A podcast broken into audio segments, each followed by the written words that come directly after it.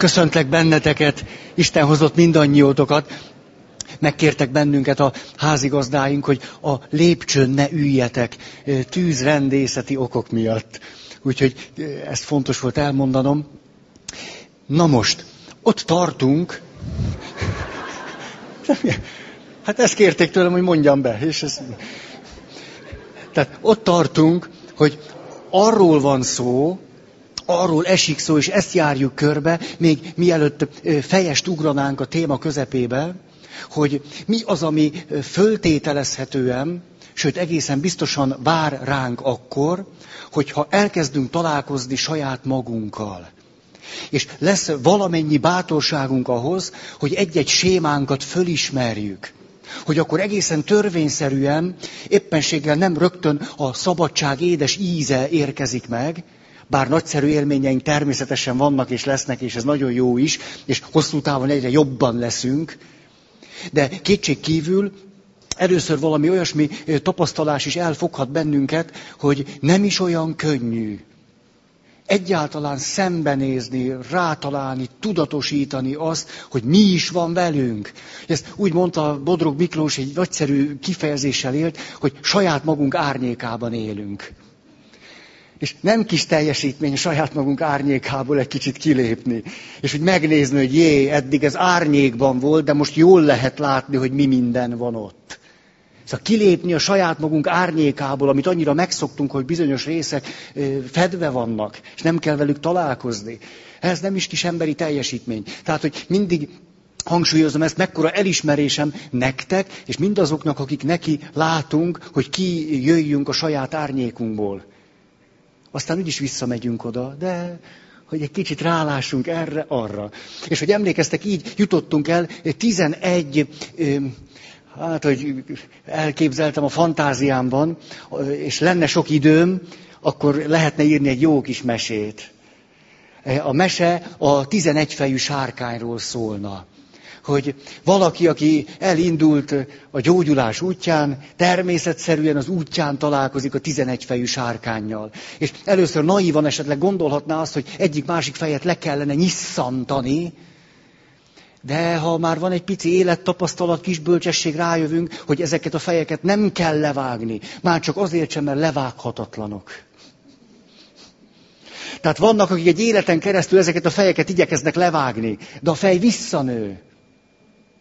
És milyen nagy bölcsesség elkezdeni szót érteni a tizenegy fejű sárkányunkkal, és akkor a tizenegy fejnek ugye ezek a nevei, hogy a szenvedés, amelyet elkerülhetetlen, próbálhatjuk megúszni, akkor is van, tehát nem vágható le. A hiányok, mindig van, ami hiányzik. Beteljesületlen vágyak, ez is teljesen egészséges, hogy vannak beteljesületlen vágyak. Miért teljesülne be minden vágy? Lehetetlen is. Betöltetlen szükségletek, ez is egy olyan fej, amit hiába nyesszentünk, nyasszantunk, az csak visszanő a belső feszültségek és ellentmondások, az életünknek a problémái. Tehát van ez a 11 fejünk, most nem ismétlem el őket. Hát ott van a jegyzetetekben, tudja, csak visszanézitek, és ennyi. Szóval megvan a 11 fej, és akkor, hogy megyünk, megyünk, rájövünk, hogy nem levághatók, és nem is kell levágni, megbarátkozhatunk a 11 fejű sárkányunkkal. Nagy dolog, és megtalál, megbarátkozunk a 11 fejű sárkányjal, egész alkalmasok leszünk például a társkapcsolatra. Ugye nyilván egy jó kis mesei motívum lenne, hogy a 11 fejű sárkányjal megyünk háztűznézőbe. Szóval, szóval, ez volt az, ami, amiről beszéltünk a múlt alkalomnak a, a döntő részében, és akkor így jutottunk el oda, amit tulajdonképpen már két alkalommal ezelőtt is elkezdtünk. Hogy mi az a négy dimenzió, amiben elkezdünk sokkal magától értetődőbben tájékozódni. Ahogyan rájövünk arra, hogy a saját árnyékunkban éltük az életünket, és erre elkezdünk rálátni. És az árnyékos egészségedre. Ú, ez egy jó, jó, ez, ez, ez jól szólt. Ez, ez tetszett nekem, ez egy jó. Na, és emlékeztek, azt mondtuk, hogy a fölismeréseinknek tulajdonképpen, ahogyan, ahogyan ezek megérkeznek, és kezdünk egyre jobban lenni, van négy dimenziója. Az első, hogy kezdünk rájönni a személyiségünknek az egészére, Az összes dimenziót kezdjük fölismerni, fölfedezni. Azokat a funkciókat, amiket eddig alig használtuk. Emlékeztek, beszéltünk, ha csak a, a Jungi modellre gondolunk, gondolkodás és érzelem, intuíció és tapasztalás. És mindenkinek megvan az erősséged, és megvannak a gyöngeségeink. És egyszer csak fölismerjük, hogy ahol a gyöngeségeink vannak, ott egy színes világ tárul elénk. Semmi más nem kell csinálni, csak egyszerűen megérzéseket elkezdeni egy picit megbecsülni. Másik esetben hétköznapi tapasztalás, az érzékszerveinket megtanulni, használni. Aki gondolkodik, érezzen, aki érez, néha kicsit gondolkozzon. És rájövünk, hogy micsoda színes világ van itt benn. És aztán, hogy van tudattalan, a tudat alatt itt megbecsülni, micsoda erők lakoznak itt bente, jó ég. Nagy oktalanság a belső erőket lebecsülni. Ó, az én örülhet, hogy ott valamiféle egyensúlyt tud tartani. Örülhet neki. Sokszor olyan vad pacik vannak itt benn, hogy haj. És nem csak a vad pacik, hanem olyan erők indulnak neki, nem is tudtuk, hogy léteznek. Egyszer csak már... Szóval a személyiség összes rétege, beleértve, és ebben a modellben nagyon fontos, hogy a spiritualitás nem egy külön dimenzió, mert a személyiséghez természetesen tartozik hozzá. Nem egy külön valami, természetesen része minden ember személyiségének a spirituális része. Az nem valami emelet ráépítés. Ugye most megházasodunk, és akkor a padlás teret betöltjük. Hát hogy már? És akkor itt hoztuk ezt a képet, a delfint, hogy az ember, aki úgy él, mint hogyha a spirituális dimenzió nem volna az emberi személyiségének ö, alapvetően adottsága és része, úgy él, mint a delfin, aki csak a vízben van, és onnan nyeri a táplálékát, és azt mondja, ó, ez a víz, ez én világom. De sose jön föl a víz fölé, hogy levegőt vegyen. Hogy ebben a képben nagyon jól meg tudjuk ragadni. A delfinek egyszerre van szüksége táplálékra, amit a vízből nyer, és levegőre, amit a víz felettről. És mi is valahogy pont így vagyunk. És az az ember, aki elveszti ezt, akkor lehet, hogy nagyon jól lakott, egész életében jól lakik, csak fogy a levegő. És nem, nem is érzi, mi, mi a baj? És akkor még többet teszik. De nem az a baj, hanem a levegőhiány. Jó? Tehát a személyiség összes dimenziója. Fölfedezzük. Hí, hí, hí, ilyen nem is van, olyan is vagyok. A második, az összes kapcsolatunk.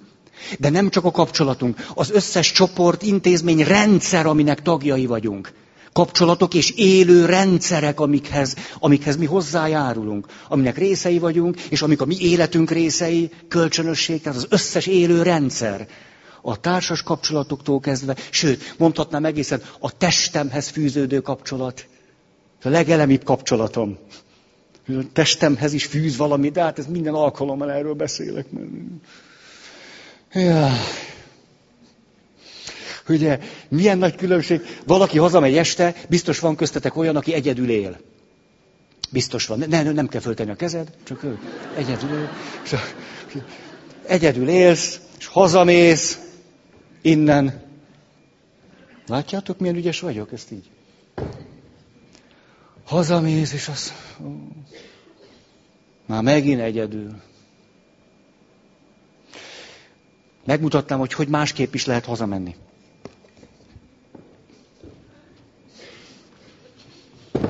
Mész haza. Trallala, trallala, ez valahogy így, igen. Ha-ha! Megyek magamhoz. Hazamegyek, és magammal leszek. Jó társaság? Hazamegyek, hogy magammal legyek. Vannak, akik majd megdöglenek az egyedülléttől, mások pedig magukkal vannak. Ugye, hogyha valaki olyan fajta, emlékeztek, ezt szoktam idézni, azt mondja, ha jó társaságban akarok lenni, csak azért egyedül maradok. Tehát a másik, hogy nem egyedül vagyok, magammal. Hát hát mekkora különbség. Tudjátok, néha, hát milyen, egy ilyen egyszerű, a, a testhez kötöm ezt, amit most el akarok nektek mondani, hogy, hogy megyek este, és akkor égnek otthon a, a fények meg a lámpák. Már kinek, kinek. És megyek, és ugye annak van egy olyan, olyan otthoni, otthon fénye, nem? Hogy mész haza, de valamelyik családtag otthon van, és hogy hazamész, nem, nem a sötétbe mész haza, hanem látod, hogy a konyhában ég a villany, a hálószobában ég, a nagyszobában ég a villany, a WC-t az nem látod, mert a lifthófra nyílik az ablak. És akkor, na, na, megyek haza, és ott ilyen meleg fény, ugye még a mesékben is, hogyha valami illusztráció van, akkor ott a kis házikó az erdő mélyén, ugye nem sötét az ablaka. Ugye? Ott duruzsol a... Hát ezt nem is folytatom, mert kicsit el, el, elmerengek. Na, és akkor rájöttem, tudjátok, hogy hát hány évszámra mentem haza, és nálam mindig sötét a, a, a, a, a lakás.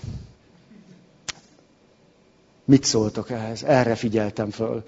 Hogy akár hányszor megyek haza, nincs ott senki. Ez elszomorított. Megyek haza, és nem élhetem meg, hogy ég a lámpa. Ó. És akkor egy egyszerű ötlet.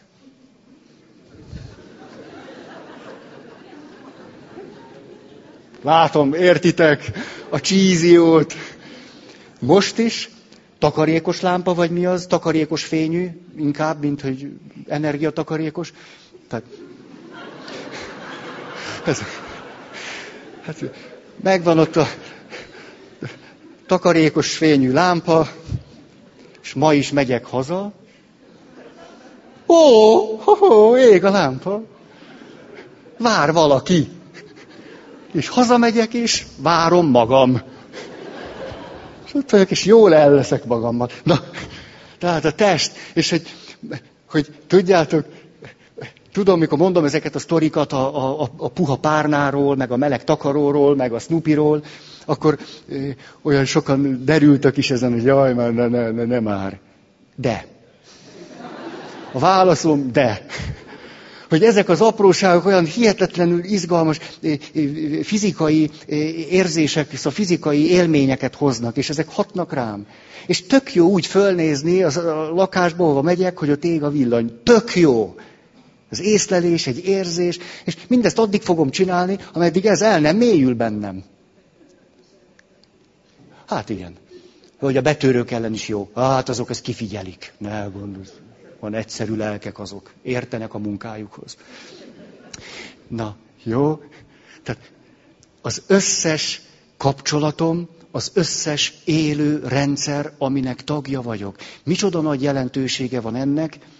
Emlékeztek, most a magunkhoz való viszony sokszor modelleződik a másokhoz, vagy a segítőhöz való kapcsolatunkban, és akkor erről beszéltünk a segítő, aki olyan óvatlanul, rutintalanul, bölcsesség nélkül nekiáll, hogy a személyiségünknek egy részét fejlesszük, és ennek rettenetes kárát látjuk valamelyik kapcsolatunkban.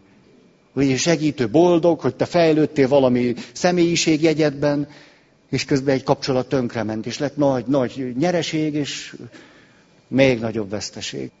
És a harmadik dimenzió, amiről beszéltünk, nek is óriási jelentősége van, az életnek a folyamodóan tudatosítani, föltárni, észlelni, hogy, hogy, folyam, hogy természetesen általában itt és most éljük meg magunkat, és milyen jó lenne, megélnénk magunkat itt és most. De hogy közben ez mindig egy folyamatnak a része. És milyen óriási jelentősége van annak, például, amikor egy gyerek, aki már régen szobatiszta, egyszer csak elkezd bepisilni. Most ha a szülő nem lát semmi más, csak hogy eddig volt egy szobatiszta gyerek, ezt lájkolom, és akkor van egy nem szobatiszta. Ugye hát, ha csak ennyit látunk, ez, ez katasztrófa. Hogy, hogy tudunk így akkor viszonyulni? De akkor használjuk, hogy egyrészt tudok valamit a gyerek személyiségéről, az összes dimenzióról. Egy picit fantáziálok azon, mi történhet vele. Ő benne mi játszódik le. Hogy ő neki milyen lehet, hogy bepisil. Hát jó az úgy. Hát hogy lenne jó? Kivé... Na, jó? De akkor látom a kapcsolati hálót, amiben benne van, és azt mondom, hát de kis tesója született. Hát most négy hónapos a kicsi. Ilyen milyen érdekes, hogy a születés után kezdett bepisilni akkor már is, már is egy kapcsolatrendszer részeként látom a gyerekemet, és értelmezem a bepisilését. Most akkor ezt behelyezem egy folyamat jellegbe, Hát ez nem volt egy túl értelmes mondat, szóval egy, látom a, a folyamat szerűségében a, a kisfiam, kislányom bepisilését. Akkor nem azt mondja, hogy van egy bepisilős gyerekem, hanem hogy a rendszer szintű változásra a gyerekem bepisiléssel válaszolt. És hogy nem kell, nem kell ettől megijedni, meg tönkre menni, nem marad így. Ez egy fejlődési folyamatnak a része. Most visszalépett egy olyan fázisba, amit már egyébként meghaladt, és most, hogyha gondoskodunk róla, odafigyelünk rá, akkor szépen kinövi megint ezt a fázist, ahova ideiglenesen visszatért, azért, mert a családi rendszerbe változás történt, amire a személyisége még nem volt fölkészülve. Ennyi. Hát egész másképp állok az élet összes jelenségéhez, hogyha látom, hogy, hogy honnan, hova tart valami, honnan, hova megy valaki, hogy ez egy folyamatnak melyik része, melyik állomása. Sokkal több mindent meg tudok engedni, és sokkal kevesebb dolog zavar. Szóval nem is kell a személyiségemben sokat fejlődni, nem kell különösebben türelmesebbnek lenni, meg nagyvonalúbbnak, egyszerűen beillesztem egy folyamatba azt, amit látok, sokkal elfogadhatóbb lesz. Ugye összeköltözik a férfi meg a nő, akik addig külön éltek, fiatal házasok. Hát persze, hogy az összecsiszolódásnak van egy csomó nehézsége. Most ha semmi más nem látok, csak azt, hogy a férjem pattog, a feleségem meg türelmetlen, hát bele lehet dögleni. Most ezt csináljuk 50 évig. Na de azt mondom, hát mekkora változás az, hogy minden megváltozott annak kapcsán, hogy együtt élünk. Hát eddig ne, eddig addig olvastam, eddig akartam, addig csináltam, hogy akartam, a lábam is büdös volt, ha akartam, és addig volt büdös, ameddig én akartam. Most egyszer csak megváltozik minden, és a kríziseink, hogy a folyamatnak a részei, ugye ez átment már. Na jó, nem ragozom, hát úgyis jobban tudjátok, mint én. Tehát látni, látni magunkat, másokat a folyamat részeként. Ha, egész üdítő, kezdek levegőt kapni.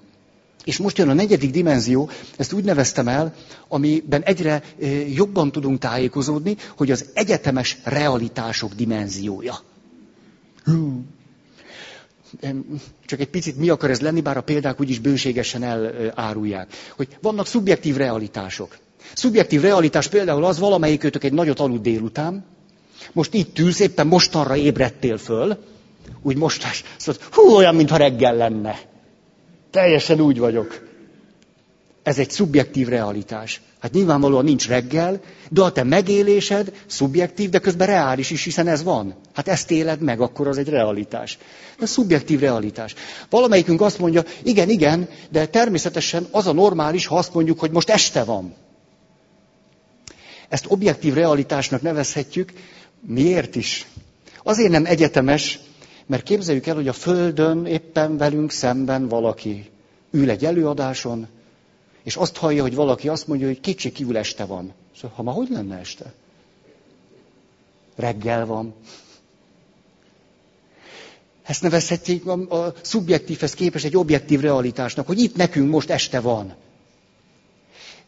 De mi az egyetemes realitás? Ehhez képest az, mikor azt mondom, kétség kívül az emberi életnek, ahogyan eddig láttuk, megéltük, addig, ahogyan ez eddig történt, kétség kívül a nappalok és az éjszakák, a reggelek és az esték váltakozása hozzátartozik.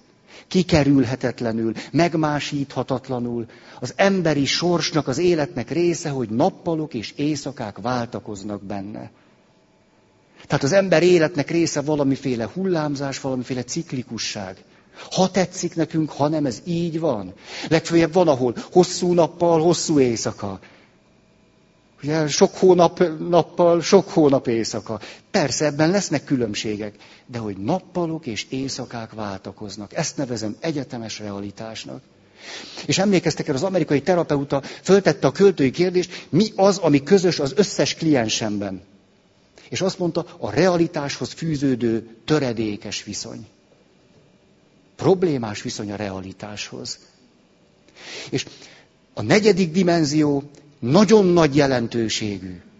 Mert az életünknek vannak olyan realitásai, egyetemes realitásai, amelyek sokszor az egészségünk szempontjából a legjelentőség teljesebbek. Például, mikor valaki elfogadja azt, hogy meg fog halni.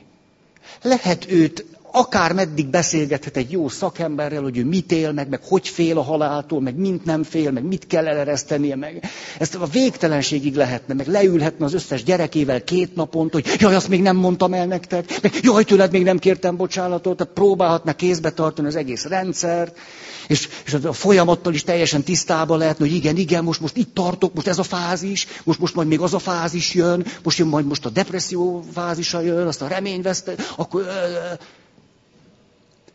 de sosem lesz jól, és nem lesz egységben magával, ha nem tudja elfogadni azt, hogy meg fog halni. Ilyen végtelen egyszerűen, hogy ez el fog következni, ez normális, ez rendben van, és ez természetes. Hogy milyen megrendítő az, és tudom erről is elnézést, ha ismétlés sok minden, aztán úgyis ma már az egy sémát szeretnék tolni, hogy, hogy jön hozzám valaki, és ez mindig, mikor ez megtörténik, van egy, egy, egy ilyen döbbenet bennem, és azt mondja, hogy olyan fölháborodottan, csalódottan, értetlenül, hogy én nem értem, hogy hogy, hogy, hogy most beteg vagyok, hogy, hogy most, most egy, egy végstádiumos rák. Hát ez, ez hogy lehet? Én egész életemben egészségesen éltem. Ez hogy lehet? És nyilvánvaló, hogy egy ilyen helyzetben leginkább ő neki arra a gyógyító fölismerésre van szüksége, hogy ez mással is megtörtént már. Hogy ez nem egy egyéni sorscsapás. Erről beszéltünk, amikor az önmegvalósítás három szintjét eh, emlegettük. Ugye, és ezt így fogalmaztam meg nagyon egyszerűen, a többség odaát van. Tehát nem kiszúrás, nem pech, nem egyéni sorscsapás, hanem most éppen én következem. Ezt nagyon személyesen éljük meg, egyedien, fölháborodunk, hogy miért nem öt évvel később. Persze, ez teljesen rendjén van, meg miért pont így, meg, meg, de attól még van egy egyetemes reali, realitás jellege is. Nem leszünk soha jól, hogyha ezt nem, nem bírjuk beemészteni. Ezt nagyon látom. Hú, egy, amióta öregszem, egyre jobban látom. Amióta őszülök, egyre jobban látom. Ugyanígy a betegséggel is. És ez nem azt jelenti, hogy ne tegyünk meg mindent, ne küzdjünk, ne harcoljunk, de hogy úgy, hogy a betegség az normális. Az egészség is normális, betegség is normális. Hogy látok például női élettörténeteket. Megsebződik egy nő, és a sebzettségének az egyik következménye az, hogy elcsúszik ahhoz az időhöz képest, ami az ő biológiai ideje van egy biológiai időnk is. Hát nyilvánvaló bizonyos dolgok megtörténnek, ha akarjuk, nem a biológiai adottságainkból. Ezért ő például sokkal hosszabban választja a társat. Nincs meg az élethez a bátorsága, el van foglalva a sebzettségeivel, nem tud elszakadni otthonról, teljesen mindegy. Mi történik? Ő akkor csak 35-40 évesen jut el oda, hogy azt mondja, hogy na most már én belül elkészültem a társválasztásra.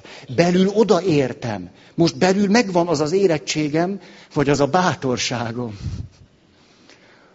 Ami, ha a személyiségfejlődésünk mondjuk a biológiai ritmusunkkal egyezik, ő 20-25-30 éves korban megtörténik. De ő elcsúszott mondjuk 10 évvel. Mi lesz ennek a következménye? Hát az. Hát az. Hát sokkal inkább kitettebb lesz abban, hogy, hogy születik egy gyereke, hogy mennyit kell próbálkozni, sokkal kitettebb lesz. Tehát újabb csalódás, hát föltételezhetően egyszer csak az egyetemes realitásokból adódóan ő kitettebb lesz annak, hogy újabb csalódások érjék.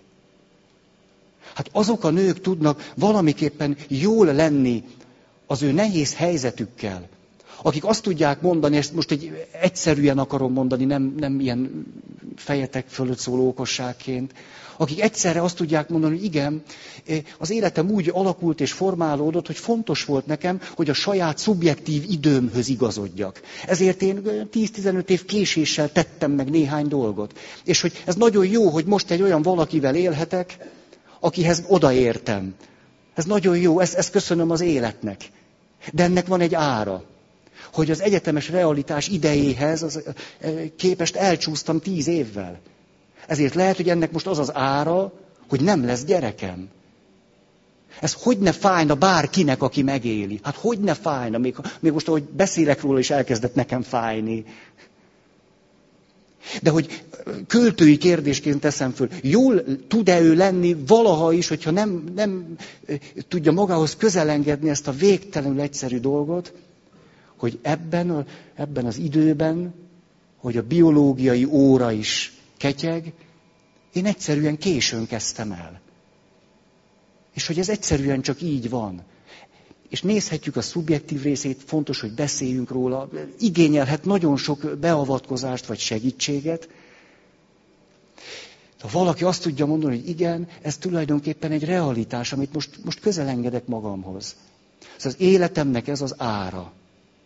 Az én fejlődés történetemnek ez egy természetes következménye. Nem esik jól, sok mindent tudok mondani, de mint valami realitás, elfogadom. Amíg ezeket a realitásokat nem engedjük közel magunkhoz, rengeteg szenvedés vár ránk, és mi állandóan próbáljuk a szenvedés fejet levágni. Levágni, levágni, levágni, nem igaz, nem igaz, miért nősz vissza, te rohadék, biztos másnak nincs ilyen, dögölj meg. A hiányfejnek nekiesünk, akkor a szükségletfejnek ütjük, vágjuk. Nem tudom, hogy ez hogy hat rátok. Kár, hogy nem vagyok túl empatikus, mondjuk. Vagy például az, hogy, hogy öregszünk. Ugye ezt ilyen egyszerűen is mondhatjuk, hogy öregedő lények vagyunk. A fogantatásunk pillanatától öregszünk. Cup. Most, aki ezt az egyszerű tényt nem képes elviselni, elfogadni, rengeteg fölösleges szenvedés fog rávárni. Na, Ah, nem. Vagy de, olyan bizonytalan vagyok. Ugye, emlékszem a múlt alkalomnak a végén, arról beszéltünk, hogy, hogy az életnek van ez a folyamat jellege, és hogy az, az élet első szakaszának is megvannak a maga feladatai, hogy megtaláljuk a helyünket a világban, munkaképessé váljunk, kapcsolatképessé váljunk, képesek legyünk a meghittségre és egyebekre, igen ám, de a sebzettséggel mi történik meg gyakran? Hogy valaki az élet első szakaszának a feladatait nem tudja elvégezni. És akkor ő 40-50-60 évesen jut el oda, ahova, hogyha természetes egészségességgel tudott volna menni ez a folyamat, már 30-40 évesen ő ott tartana. Ezért mi fog történni? 50-60-70 évesen megpróbálunk valahogy olyasmit is elkezdeni csinálni, beépíteni az életünkbe, ami az élet első részének a feladata és dolga. Ez nagy nehézség. Hát, és itt a spiritualitásnak nagy jelentősége van. Valaki, aki leül, és megállapítja azt, hogy tulajdonképpen mondok na jó van. Tehát, itt, itt a nem vagyok jó szék, Leülök, és azt mondom, hát, hát tele voltam sérüléssel, hiányjal, gyöngeséggel, gyarlósággal, realitásvesztéssel. Hát most, hogy itt vagyok 40 évesen, de más nőt vennék el. Te jó ég! Hát de más nő való nekem. Ez egy realitás. Ugye tudattalan motivum a házasságkötésnek. Ő férfiként egy anyát vett el. Na, tele volt hiányjal, ő neki az a legfontosabb legyen jó meleg. Puha is legyen, meleg is legyen, gondoskodó legyen. És 40 évesen, ahogy egyre jobban lett, ugye, mert megy, megy az élet előre, azért maga a természetes útján, módján, úgy kikupálódik a pasi. Vannak ilyen férfiak, biztos ismeritek, ugye? Ez, jaj, sokszor, na, nők olyan jó történeteket tudtok erről mondani. Hogy hát, hogy ilyen volt 20-30 évesen, és képzett Feri, találkoztam vele 50 évesen, de jól néz ki. Milyen jó pasi lett. Ugye hát a, sokszor úgy nem is tesz olyan sokat érte, valahogy úgy, úgy az élet segít neki. Na mindegy, csinálja a dolgát, ugye ez a kettő, csinálja a dolgát, meg az élet segít, és egész normális lesz közben. És ott a 40-50 évesen, és az, a nem jóját. Hát most ahhoz képest, hogy milyen jól vagyok, a feleségem, hát... Most már egy másfajta nő volna hozzám való. Most már nem kell nekem annyira meleg, jöhet a hideg is. Csak legyen benne szenvedély, meg kaland. Most csak mondtam valamit. Ugye már elég egészséges az, hogy bírja a feszültséget, hogy ne kelljen állandóan az anzimonzit hallgatni, hogy te vagy a legjobb, meg... Ne, most már tud küzdeni is a nőért, kicsit belehalni, föláll, minden, de húsz évesen még nem tudta. Ha húsz éves még összerogyott, hogy, hogy csúnyán nézett rá a nő. Most micsoda jelentősége van annak, valaki, valaki a helyzetére elkezd reflektálni, hogy ez mi. Most mi, mi van? Azt mondja, hogy tulajdonképpen most megtehetem azt, hogy pusztán ezen oknál fogva, hogy hát akkor olyan motivumok alapján választottam, most se tudtam, mik ezek a motivumok, csak úgy választottam, mit tudom én, hogy volt az. Most bezzeg már a mai eszem, a mai... Hát menjünk csak vissza. Vissza, vissza, vissza, vissza. És akkor na most, hurrá! Ez sokan ez ha csak a természet mozgását nézzük, és a személyiségnek csak ezeket az összetevőit tudatosítjuk, azt kell mondanunk, hogy természetes. Mert valamit ott és akkor, amikor a társválasztásban sokkal árnyaltabban, komplexebben lehetett volna, hát ő még nem tartott ott. Most már tart. Ezért ilyenkor érzünk egy természetes indítatást arra, hogy visszamenjünk, és úgy, úgy, úgy kiavítsuk. Na, most, na most akkor, most akkor már olyat. Igen, de a másik oldalon lesz rettenetes veszteség. És itt például a spiritualitásnak lehet nagyon nagy jelentősége, hogy azt mondom, hát a sebzettségem miatt történt ez így. Igen, de közben pedig annak is van egy realitás, hogy 45 vagyok. Itt vannak a gyerekeim, a családom. Nem lehetséges, hogy, hogy most találkoztam a sárkányom egyik fejével. Nem, nem levágni kell, vagy elkergetni a sárkányt a lábalól, hanem na most akkor szembenézek ezzel a veszteséggel, a fájdalommal, ezzel a belső ellentmondással és dilemmával, ugye elég sok fej beköszön. És adott esetben éppen ennek a döntésnek a nyomán egy nagyon furcsa dolog történik, a spiritualitásnak az használatával, elnézést a kifejezésért, megérkezünk a saját életkorunkhoz. De csak az érkezik meg a saját életkorához a spirituális dimenzió segítségével, aki ezt a fájdalmat, szenvedést, veszteséget, hogy, hogy már most mással sokkal jobb lehetne, és ha csak elképzelem, akkor rosszul vagyok. Ezt viseli. Szóval jó, akkor most érthető ez.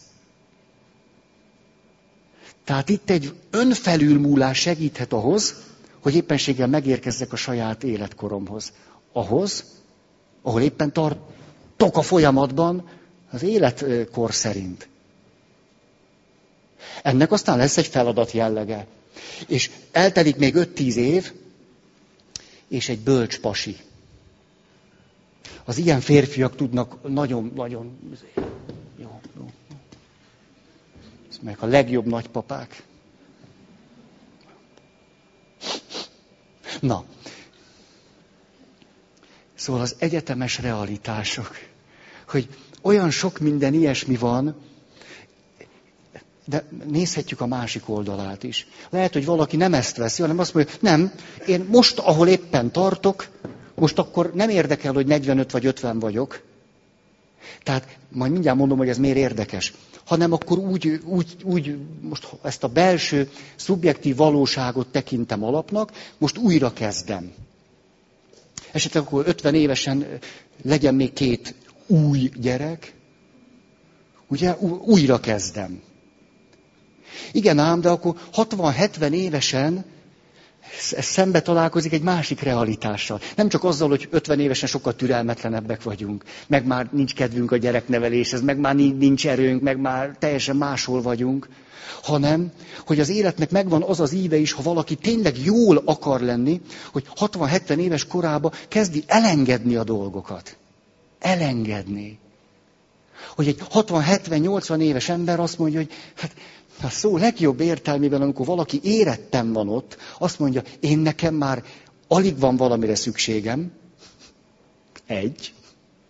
Ez a realitás. Alig van valamire szükségem. Köszönöm, jól vagyok. Kevéssel is, teljesen jól vagyok. Mert nem akarok még egy újabb ilyet, még egy amolyat, még... nem, egyszerűen nincs a szükségem. De nem csak azt mondja, hogy köszönöm, jól vagyok, kevéssel is, kevéssel is, hanem azt is tudja mondani, hogy nincs is szükségem szinte semmi másra, és hogy alig van veszteni valóm. Bölcs, bátor öregek, hol vagytok? A hindu kultúrában egészen gyönyörű, ahogy fölfestik az életutat. Azt mondja, fiatal embernek természetes legyen szerelmes, házasodjon, él. Középkorú embernek de mennyire természetes az, hogy megállja itt a lába, hogy, hogy dolgozik, hogy előre jut. Mit tudom én, ő. A harmadik fázisban kezdi továbbadni mindazt, ami az övé. Ez a harmadik fázis. Kezdem továbbadni, átadni, menedzselni másokat, ki, ki nevelni a következő generációt, még minden, még elég erős vagyok ahhoz, hogy át tudjam adni. Még most a munkámmal már elkezdek mások alá bedolgozni. A negyedik fázisban pedig elengedek mindent. És sokan idős korukra elmennek koldulni, vagy szerzetesnek. A nyugati kultúránknak kulturális betegsége az, hogy ez szinte teljességgel hiányzik. Hogy ahelyett, hogy a, az életnek ezt a folyamat jellegét élnénk, és 60-70 éves korunkban egyre szabadabbak lennénk. Hát mire van már szükségem? Hogy hol vannak azok a bátor idősek, hogy kiállnak, és azt mondják, hát de nekem már nincs veszteni való, a 30 évesnek van. És van a 40 évesnek egy csomó felelősség a családjáért. De egy 70 éves ember kiállhat, és azt mondja, ki mondja, ha nem én? Ebből is látszik, hogy ez nem könnyű az út. Hogy milyen sokan elkezdenek valamikor vesztegelni. És hogyha ismerjük azokat az időseket, akiket egyre szabadabban ilyen elengedetten, hát egyszerűen egész megdöbbentő, hogy az ember hova tud fejlődni. Hogy, ja, én ismerek egy-két ilyen embert. Hát ez egyszerűen lenyűgöző. Lenyűgöző. Ismertek ilyen legalább egyet-kettőt? Hogy bekopogsz hozzá, és tehát, egyszerűen nem, nem is, nem, el sem tudod képzelni, hogy ne örülne neked, ha megjössz. Egyszerűen örül neked, hogy ott vagy. És nem az, hogy jaj, Ferikém, ne jó Jó, hát ez is van, most, jaj, most nem gúnyolódni akarok ezen. Hanem azt, hogy Ferikém, mi van veled? Hogy vagy? Na mesélj. És azt mondja, én itt vagyok, hát mondhatod. És akkor időnként megkérdezi, hogy van-e valamire szükséged. Nem? Hát egy nagyi. Nem ilyen. De. jó, jó. Mm. Mm.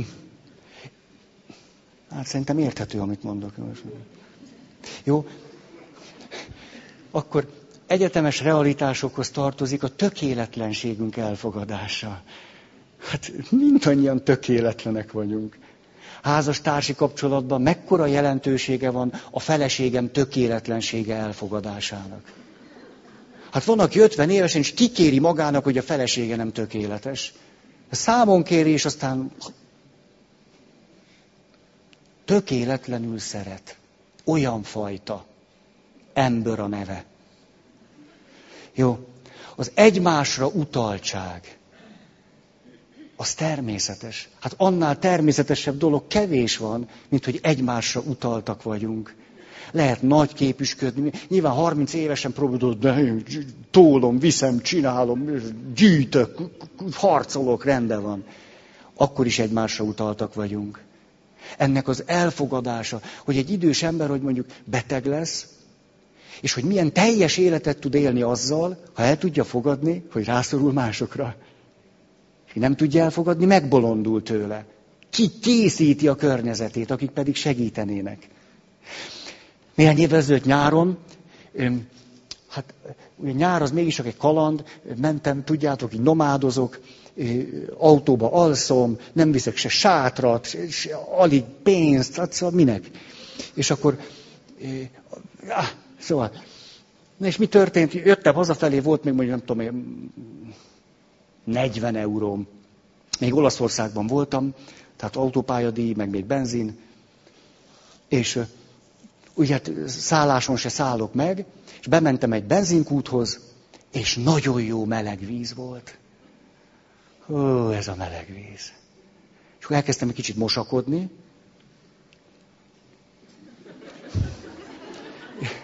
Hát igen ám, de ugye nem tudtam mosakodni, mert a pénztárcám az így dudorította a, a, a gatyám zsebit. Fogtam a pénztárcát, kivettem, és akkor... És ott hagytam. És eljöttem, ültem még az autóba, nem indultam el, csak eljöttem a benzinkútról, ültem, szám, ez az, na hol a pénztárcám? Visszamentem a mosdóba, ott nem volt. Kérdezem a benzinkutast, hogy nem, nem találtok egy pénztárcát. Azt mondja, dehogy nem. És odaadta a pénztárcámat, hogy benne az összes irat, de bankkártyám nem volt még akkor. És az összes pénzt kivették belőle. Tehát ott voltam Olaszországban egy benzinkútnál, úgyhogy, mit tudom én, iszonyú sok euró még a, a autópályadíj, benzin, és nem volt nálam egy peták se. Nem az, hogy bankkártya, hát direkt a nélkül, mert értitek. Ó, akkor rájöttem, hogy a bankkártya jó dolog. Tényleg, komoly, komoly fölismerésre jutottam és nem volt olyan régen, és akkor hát mit, most mit, mit fogok csinálni? És emlékszem, na, beköszöntött a kiszolgáltatottság. Egy pillanat alatt ott az autópálya, hihetetlen sok ember jöttek, mentek, és olyan egyedül voltam, mint a fene. És akkor szerencsére akkor már volt telefonom, fölhívtam a barátomat, papbarátom, mondom, te bírod a kalandokat? Meg így... és ez szegény lépre ment, mondom, hogy ne, persze. Mondom én, ha összeszedem magam, még Ausztriába átérek. De hát az kéne, hogy én addig megyek, míg van a benzin. És hogy te meg gyere már elém. Mert, mert én fölhívtam mindenkit, mert, és mondták, hát ne, hát ezzel a helyzettel nem tudok mit kezdeni. Tehát most ez, hogy, hogy, hogy utaljanak pénzt, vagy, vagy, vagy hát egy benzinkúton vagyok. Ahhoz, hogy leüljek az autópályáról, már többet kell fizetnem, mint a semmi, amit tudnék. Hát elég hülye helyzetbe éreztem magam, és, és akkor, na ez a barát azt mondja, ja, jó van Feri, szerencsére, mit ez este felé volt, és akkor neki állt éjszaka eljött, és én fölhívtam őt, ott, amikor már mondjuk két liter benzinem volt, hogy na itt, itt vagyok. Idáig kell eljönnöd. És akkor lefeküdtem aludni, és és milyen, milyen egy ilyen csodaérzés, hogy csak kopogtatnak az ablakon, és akkor a barátod, akinek elvileg Budapesten kéne lenni, hát Innsbruck magasságába, hello, megjöttem. Na, és év van, akkor hajnali háromkor ért oda. Ah. Szóval, tehát az, hogy rászorulunk egymásra, kiszolgáltatottságunk teljességgel természetes. Tehát megpróbálni most a realitásnak ezt a fejét levágni, ó, hát hogyan is? Jó. Igazán hosszan lehetne ezt mondani, és személytelen dolgokból is kiindulhatnánk. Olyan régóta megvan egy lapom, összeszedtem már valami húsz szempont, és itt csurog a nyálam, hogy már egyszer kidolgozzam, de nem jutok hozzá hogy mit jelent az életünkre nézve az, hogy a dolgoknak megvan a maga ideje. Hogy mit jelent, hogy az életben dolgoknak van helye. Hogy dolgoknak van eleje, közepe és vége. Hogy dolgoknak van magassága és mélysége. Az életnek van ritmusa, az életnek van ciklikussága. Az életnek van súlya, és megvan a könnyedsége. Megvan a hossza. Van az életben, ami rövid, és van, ami hosszú. Szóval ez. Hogyha ha ezt teljesen szem előtt évesztjük, úgy kiesünk a realitásból, hogy sosem tudunk igazán jól lenni. Tehát ezt nevezem egyetemes realitásoknak. Jó. A... Hát. Jó, hagyjuk, gyerünk. Séma. Emlékeztek még, hogy mi ez, hogy séma?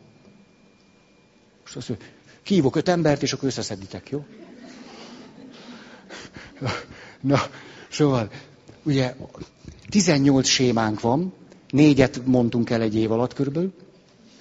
A, de ez nem tartozik a sématerápia tárgyköréhez, csak hozzánk, hogy azokkal a sémákkal foglalkozunk, amelyek kora gyerekkorban alakulnak ki, legkésőbbi serdülőkorban, és a negatív sémákkal. Mert vannak pozitív sémák is, és vannak később kialakuló sémák.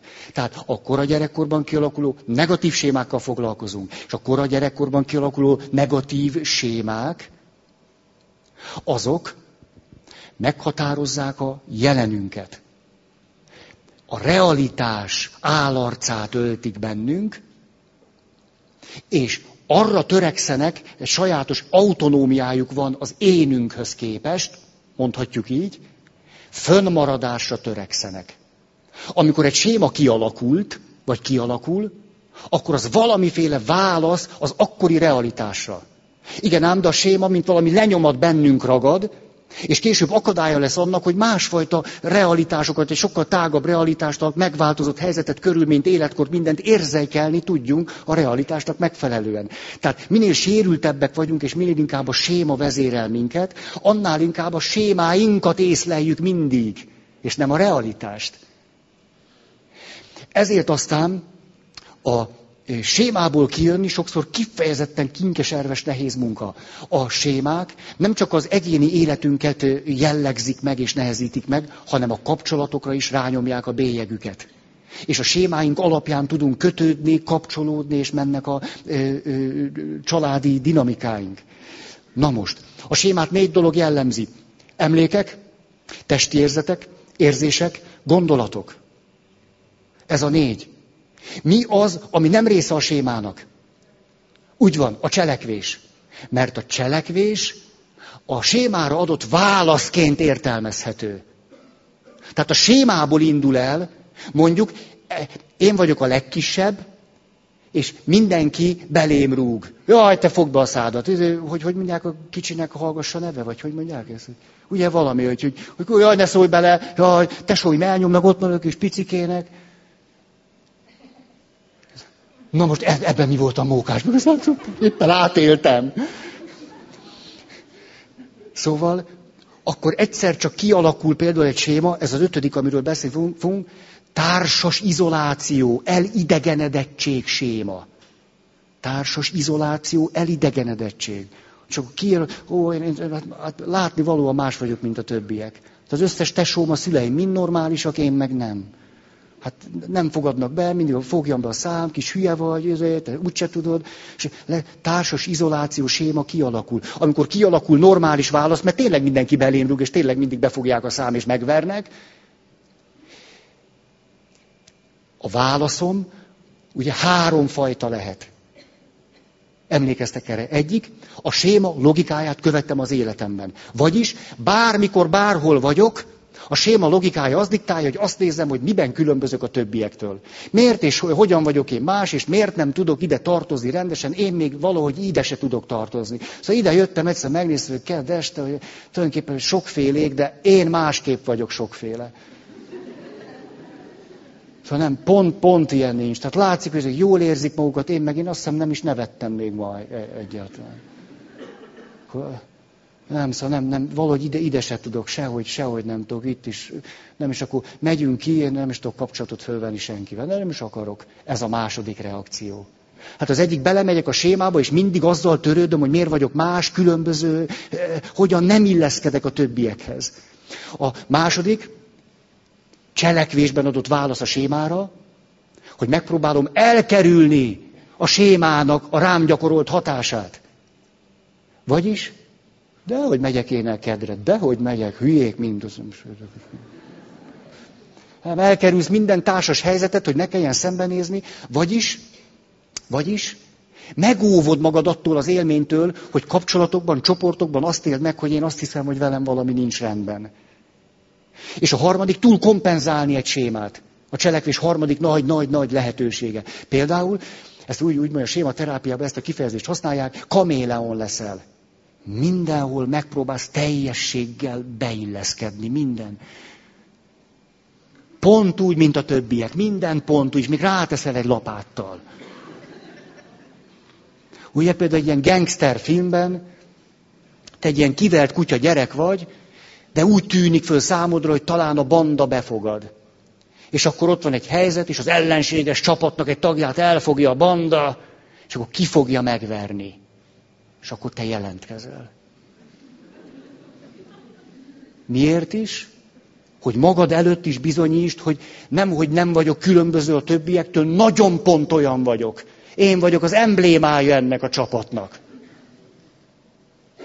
Tehát ez a három választípus, ami nem része a sémának, hanem válasz a sémára. Hogyan alakulnak ki a sémák? Valamiből túl sokat kapunk, valamiből túl keveset kapunk, egyszerűen bántanak minket, valamiből csak valaminek a felét kapjuk. De nagyon egyszerűen, ismétlés. Hogyan tartjuk fönn a sémákat? Gondolkozásmóddal, cselek, gondolkozásmóddal, érzel, érzelmekkel, sémának megfelelő gondolkozás és érzelmi világ, sémának megfelelő kommunikációs mód és stílus. Tehát például, hogy a társas izolációs sémában vagyok, akkor mogorván elfordulok, és egyet nem is, nem is akarok kapcsolódni. Ez egy kommunikációs stílus. Megszólítanak, elfordulok, jaj, hagyjál. Nem, én nem, én nem vagyok ide való. Nem, én most vagyok itt először. Ez egy kommunikációs stílus, és az ehhez kapcsolódó magatartásmód. Ezzel tartjuk fönn a sémát. Emlékeztek, a magatartásmód pedig hányféle lehet?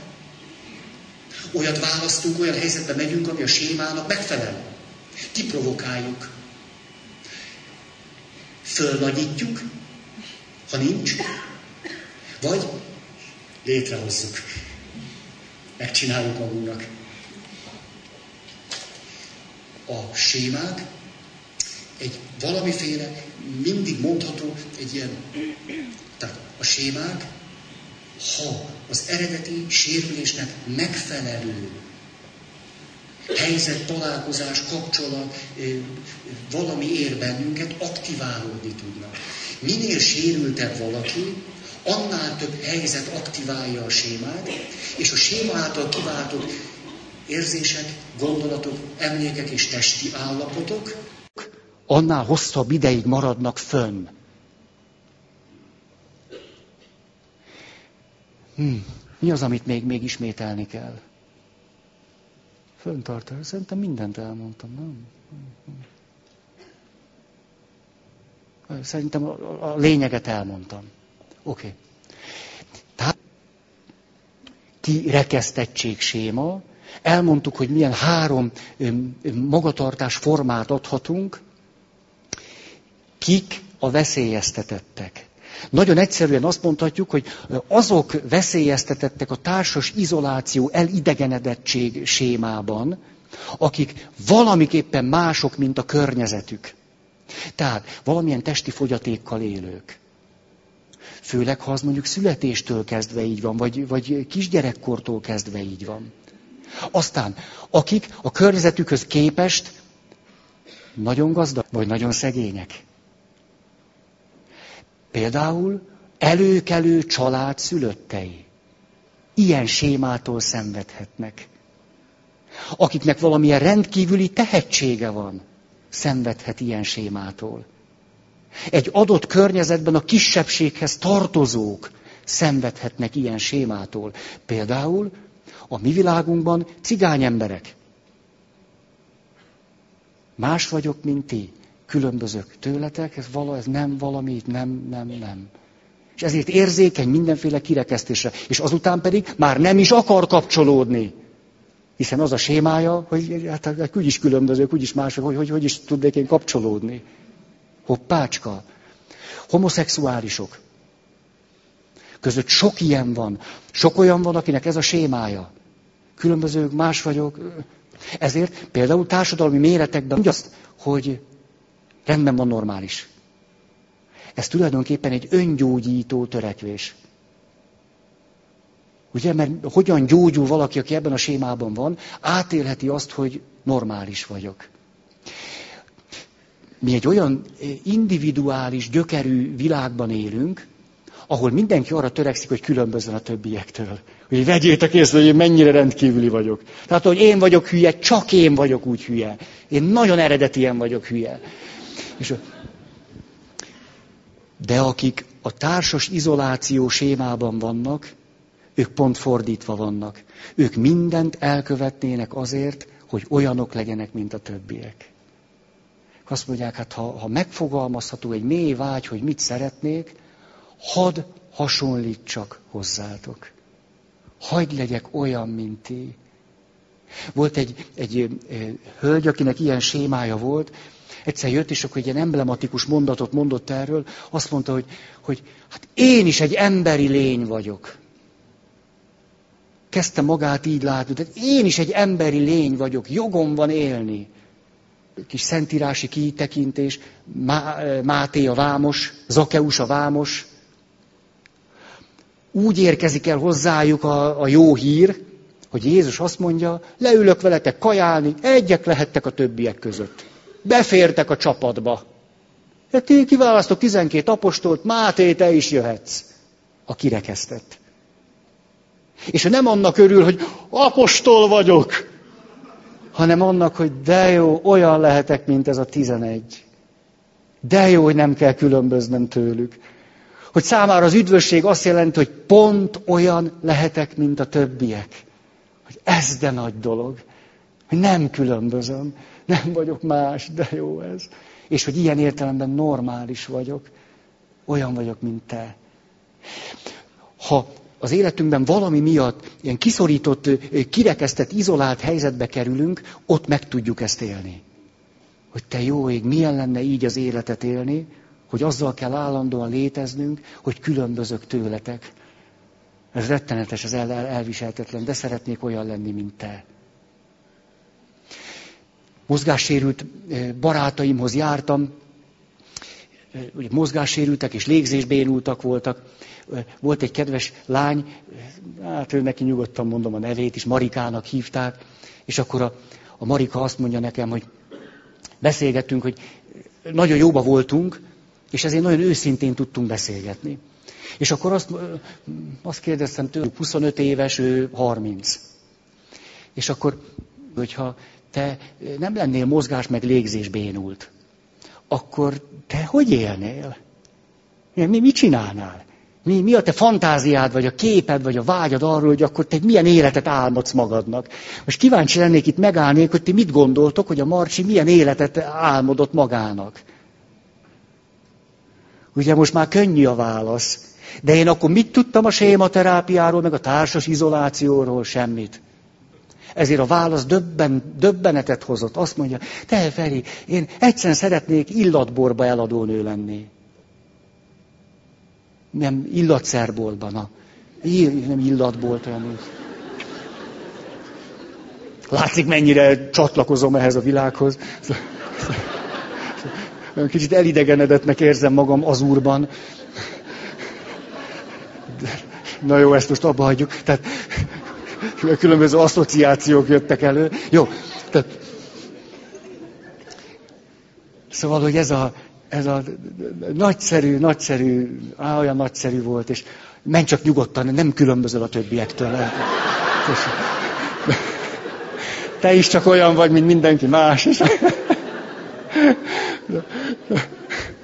Szóval, szóval hogy, hogy emlékszem, hogy megdöbbentem, hogy hát hogy, hogy, hogy nem arról álmodik, hogy király kisasszony, hogy, hogy kérők, és hogy csak ő, és ő a világ szépe, és nem, ő egy illatszerboltba eladó akart lenni. És ez volt a dédelgetett álma. Fú,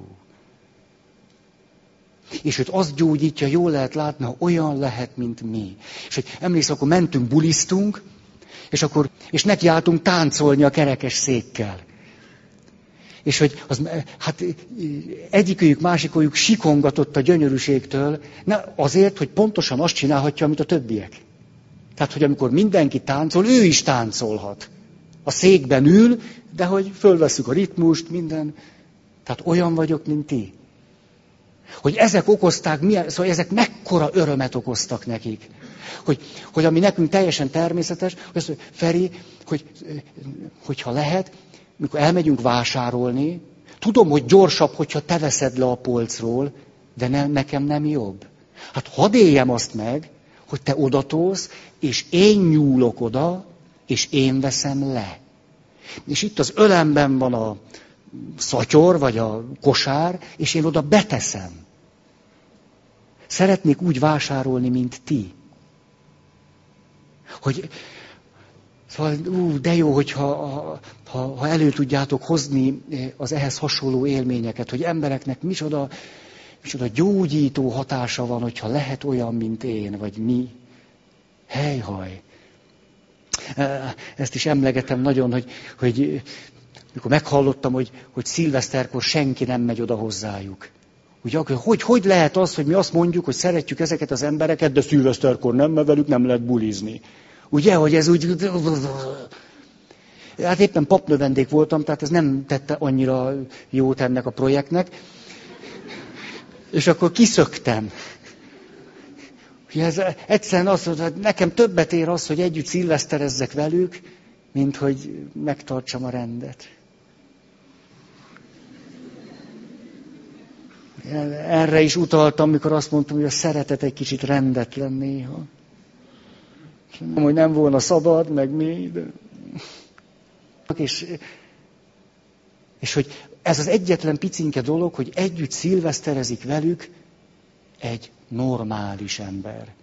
És hogy ettől ők normálissá tudnak válni. Akkor, helyhaj, na nem akarok ebben elveszni,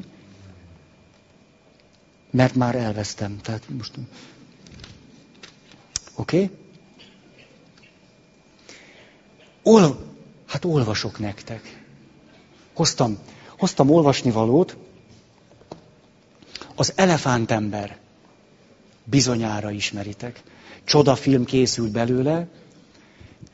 Az elefántember valós történet, a 19. század második nem, harmadik, harmadik kisgyereket, ha jól emlékszem, szülei Indiában vannak kiküldetésben, és ott egész piciként megtapos egy elefánt és ettől hihetetlen torz lesz a, a teste, és a, a, tehát valós, valós történeten alapul, majd a szülők, a család visszaköltözik Angliába, és, és ez a gyerek teljesen elhagyatottan, ilyen tulajdonképpen cirkuszokban, vásárokon köznevetség tárgya.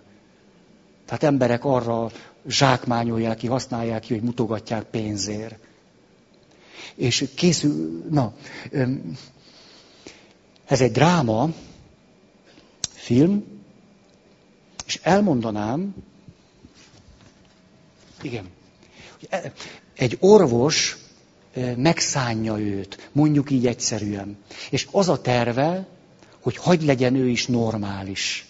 Hagy lehessen ő is olyan, mint a többiek, és ezért e, rendes ruhát varrat neki, beviszi őt a társaságba, és, és, és közben torz a teste, rossz szagot áraszt magából. És akkor a történet azzal kezdődik, ez a 16. oldal, hogy ez az orvos bemutatja ezt a betegembert, az elefánt embert, egész torzult testével, és leírja, hogy milyen. És ezt hallgassátok meg. Ő pedig ott van közben. Azt mondja, legfeltűnőbb ismertető jegye az óriási fej. Körülötte körülbelül egy felnőtt ember kerülete, körülbelül egy fölnőtt ember derekáéval azonos. Homlokáról hatalmas, cipószerű csont tömeg ugrik ki, míg a tarkójáról szivacsos, gombaszerű bőrlebernyeg ló, lóg, melynek a fölszíne a megbarnult karfiolhoz hasonlatos. A feje búbján néhány hosszú, laza hajszál. A homlokon lévő csontos kitüremkedés jelenleg mandarin nagyságú, az egyik szemét szinte eltorlaszolja. A felső állkapcsáról egy másik csont tömeg ugrik ki, mint valami rózsaszínű csonk törönkedik elő a szájából, a felső ajkat teljesen kifordítja, és széles nyáladzó nyílássá változtatja a száját. Az orr csupán ormótlan húsdarab, és csak a helyzetéből azonosítható. A torzulások az arcot alkalmatlanná teszik bármiféle érzelem kifejezésére. A háta egyszerűen szörnyű, hatalmas, zsákszerű hús tömegek lógnak róla, egészen comb középig. Ezeket is ugyanaz az undorító karfiolszerű bőr borítja. A jobb kar természet ellenesen hosszú és alaktalan. Elefantiáz, elefantiázisra utal, de mégsem arról van szó, és szintén ugyanaz a löttyet karfiolszerű bőrnövibe. A jobb kéz nagy és idomtalan, ező, mint kéz. A tenyér és a kézfej között semmi különbség, a hüvelykúj, mint valami retek, a többi új vastag, gumós gyökérhez hasonlít. Az egész, mint végtag használhatatlan. A barkajra viszont feltűnően más, mint a jobb, nem csak normális végtag, hanem valósággal kecses, finom bőr borítja, a kézfej gyönyörű, akár egy nő is megirigyelhetné. A melkasáról ugyanaz az undorító hústömeg lóg lefelé, mint valami lebernyeg, amely a gyíkok nyakán látható. Az alsó végtagok ugyanolyanok, mint a deformálódott kar. Lomhák, mintha vízkórosok volnának, és idomtalanok. A szivacsos bőrkinövésekből alig elviselhető szörnyű bűz árad. Hogy a baja még súlyosabb legyen, ez a nyomorult ember gyerekkorában csípőficamot kapott, emiatt majd, hogy nem béna, és csak bottal tud járni. Kérem, mutassa meg. És akkor a filmben lehet látni, hogy bottal tesz néhány lépést. Szóval így aztán végképp semmi esélye nem maradt, hogy kínzóitól megszabaduljon. Ugye, akik eladták őt, vásárokba cipelték. És... Ezzel kezdődik a dráma, meg a film. És akkor el tudjuk magunk előtt képzelni. És most hallgassuk meg ugyanennek a drámának a legvégét. Az elefántember halála előtt már egy biztonságos közegben van, mert eltartják őt, ennél az orvosnál él, aki bevezeti őt a családjába, és segít neki abban, hogy olyan családtagként éljen. És mikor mindenki alszik, az elefánt ember benéz a tükörbe. Ugye testileg, fizikailag semmi változás nem történt. Most hallgassátok meg, hogy hogyan beszél magáról. Remélem emlékeztek, mi volt előbb. Azt mondja, úgy áll, mintha magát mutatná be. Na, a filmben azt mondja, legfeltűnőbb ismertetőjegye, jól jegyezzék meg, a szörnyű módon normális fej. Ezt teszi számára lehetővé, hogy normális módon fekhessen. Következésképpen a saját álmait álmodhassa. Őt nem fenyegeti az a veszély, hogy mások álmainak a súlya alatt a nyaka összeroppan teljesen normális homlokáról jóindulat, fölvilágosultság sugárzik. Föltételezéseink szerint ez egyfajta önhipnózis. Az a megnyugtató tudat, hogy ő a létező világok legjobbikának középpontja. A száját eltorzította, és így a száj képtelen önbírálat kinyilvánítására, és így módon változásra. A szív eme mozdulatlan, ám tarthatatlan állapot fölötti borongás jeleit mutatja. A hát merev, mivel állandóan valami falnak támaszkodik, hogy szembenézhessen a saját kényelmére berendezett világ elidegenedettségével. A sebészi kéz, jobb keze, emlékeztek, hogy volt? A sebészi kéz jól fejlett és erős. A legkényesebb trancsírozásra is képes mások érdekében. Ugyancsak normális mi voltának következtében, a jobbkar kivételesen erős. Ez itt a balkar, nem oly erős, ám tisztességesebb, most éppen tipikus helyzetben látjuk, amint eltakarja a nemi szervét, amelyel úgy bánnak, mint valami sötét gyarmattal amely szüntelen fegyelmezésre, irányításra és büntetésre szorul. Érdekében. Hogy a baja még súlyosabb legyen, ez a nyomorult ember gyerekkorában bénító lelki kettősségre tett szert, aminek következtében képtelen átérezni, amit mások éreznek, és képtelen összhangba kerülni velük. Kérném, mutassa meg. Vállat van, úgy most az orvos szerepében van, szerepet cserél vele, vállat von, és azt mondja, így aztán végképp semmi esélye nem maradt, hogy áldozataitól megszabaduljon. Hmm. Hmm. Erre szoktam volt mondani, hogy a 19. század végéig az irodalom hordozza a pszichológiai ismereteket. Ugye, valamennyire a filozófia és a teológia, de főképpen az irodalom. Mint hogyha nekünk írták volna illusztrációkért. Na, mi az, ami segít? Talán még néhány csoportot mondok. Társas izoláció sémában szenvedhetnek azok, akik, akik traumatizálódtak, tehát valami rettenetes dolog történt velük. Ránézek itt, hogy akiket örökbe fogadtak, árvák, fogyatékkal élők, alkoholbetegek gyerekei. Alkoholbeteg szülők, főleg, hogyha mind a két szülő alkoholbeteg, ott az alkoholbetegség miatt olyan realitás vesztett közegben kell fölnőni egy gyereknek, hogy miközben az a természetes működésmódunk, hogy amiben vagyunk gyerekként, azt tartjuk természetesnek. Na de miközben azt tartjuk természetesnek, hogy természet történnek, abnormális dolgok történnek, kiszámíthatatlan, rendezetlen dolgok történnek. Most eszembe jutott, hogy mit nem ismételtünk. És ahogyan ezek a rendezetlen dolgok történnek, fölnőttként állandó problémát okoz alkoholbeteg szülőknek a felnőtt gyerekei számára az, hogy, hogy meg tudja állapítani, hogy ez most rendben vagy, vagy nem. Ez most normális, vagy nem. Most én ezt jól érzem, vagy nem. Most én jól döntöttem, vagy nem. Most ezt érdemes tovább folytatni, vagy nem érdemes. Hogy most te tényleg szeretsz engem, vagy nem szeretsz. Tehát alkoholbeteg szülők gyerekei. Híres családok sarjai. Például a szépek is ilyenek. A rendkívül szépek. Hány és hány ilyen film szól erről, ugye a király kisasszony nehézsége, meg a szépeké. És ő azt szeretné, hogy legyek olyan, mint a többiek. Oké. Okay. Na most, mi a cél? Hogyan tudunk gyógyulni? A gyógyulás abba az irányba mutat, hogy valaki fölismerje azt, hogy amit ő másoktól durván elválasztó különbségnek érez, az nem is olyan nagy mértékű. Hogy, hogy kigyógyuljon abból a nézőpontból, hogy mindig azt lássa, hogy miben különbözök, és nem vagyok olyan, mint ti, és nem vagyok normális, hanem hogy mennyi minden köt bennünket össze, és mennyire hasonlítunk egymásra minden különbözőség ellenére. Ezért óriási segítség annak, aki a társas izoláció sémától szenved, hogy ne csak kapcsolatai legyenek, hanem csoportokba, közösségekbe tudjon tartozni. Sokszor ezért egy olyan valaki, akinek ez a társas izoláció sémája van,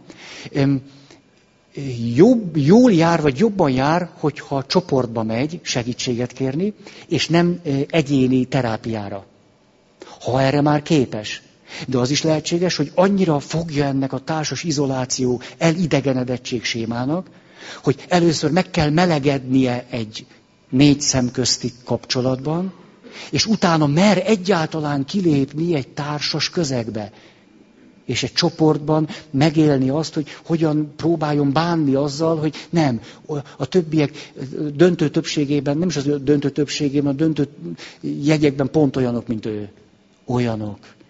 Hogy na, nincs akkora nagy különbség. Hm. Ezért a... Hű, itt az idő. A, a gyógyulásnak az még egy nagyon fontos eleme, akkor zárom is, a gyógyulásnak az egy nagyon fontos része, hogy ne csak azzal foglalkozzunk, ami a többi sémánál akarva, akaratlanul is előkerül, hogy mi a gyökere a helyzetnek, hanem sokszor hagyjuk is, hogy mi a gyökere, és egyszerűen azt támogatjuk, bátorítjuk, hogy az illetőnek hogyan tudnak elmélyülni a kapcsolatai, hogyan tud egyáltalán kapcsolatot fölvenni, kapcsolatban lenni, kapcsolatban maradni, majd pedig csoportokban, közösségekben lenni, maradni, kitartani. Ez sokszor nagyobb haszonnal jár, mint az, hogyha nem tudom, milyen életút föltárást végzünk. Persze, általában az igazi gyógyulás abból jön, hogy mind a kettőt csináljuk. De ezt a felét semmiképp sem lehet megspórolni. Hogy hagy lehessen tagja csoportoknak, közösségeknek, és azokat az érzéseket, amelyek a sémából érkeznek, hogyan tudja megtanulni elviselni.